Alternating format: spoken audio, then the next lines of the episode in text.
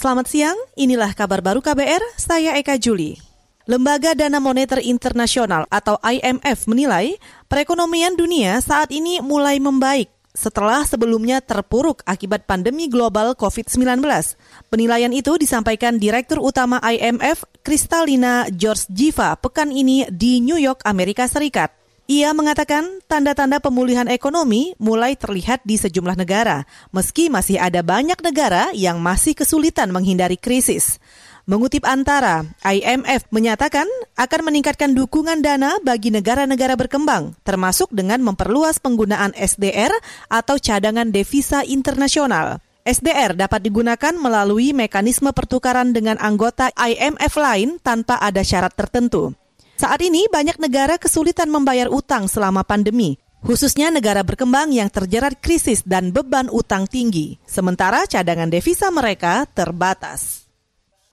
Rumah Sakit Hasan Sadikin Bandung menyatakan 44 calon kepala daerah peserta Pilkada serentak 2020 dinyatakan negatif COVID-19.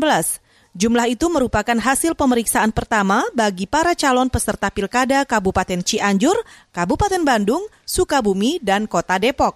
Hasil itu disampaikan Wakil Ketua Tim Pemeriksaan Kesehatan Calon Kepala Daerah Pilkada Serentak 2020 di Rumah Sakit Hasan Sadikin Bandung, Andri Reza. Seandainya ada pasien yang positif COVID-19, kita akan konsulkan kepada tim di Rumah Sakit Hasan Sadikin. Ada yang dinamakan dengan tim Pinere kita akan nilai apakah pasiennya perlu rawat inap ataukah hanya rawat jalan saja dengan isolasi mandiri. Itu nanti akan dievaluasi oleh tim sendiri di Rumah Sakit Hasan Sadikin. Tim pemeriksaan kesehatan calon kepala daerah di Rumah Sakit Hasan Sadikin Bandung, Andri Reza, juga menambahkan proses pemeriksaan kesehatan akan ditangguhkan sementara apabila terdapat calon kepala daerah yang terkonfirmasi positif COVID. Hasil pemeriksaan selanjutnya diserahkan ke masing-masing KPU.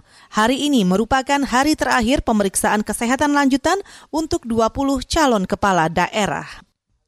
Komisi Pemberantasan Korupsi atau KPK bakal mengundang Polri dan Kejaksaan Agung untuk melakukan gelar perkara atau ekspos kasus tersangka Joko Chandra pada Jumat besok. Juru bicara KPK Ali Fikri mengatakan Polri lebih dulu diminta gelar perkara pada pukul 9 pagi besok dan siangnya Kejaksaan Agung.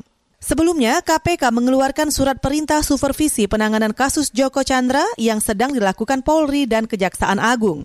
Wakil Ketua KPK Alex Marwata mengatakan, KPK masih melihat perkembangan penanganan perkara dari dua lembaga itu.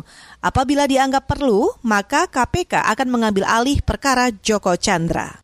Saudara, demikian kabar baru. Saya Eka Juli.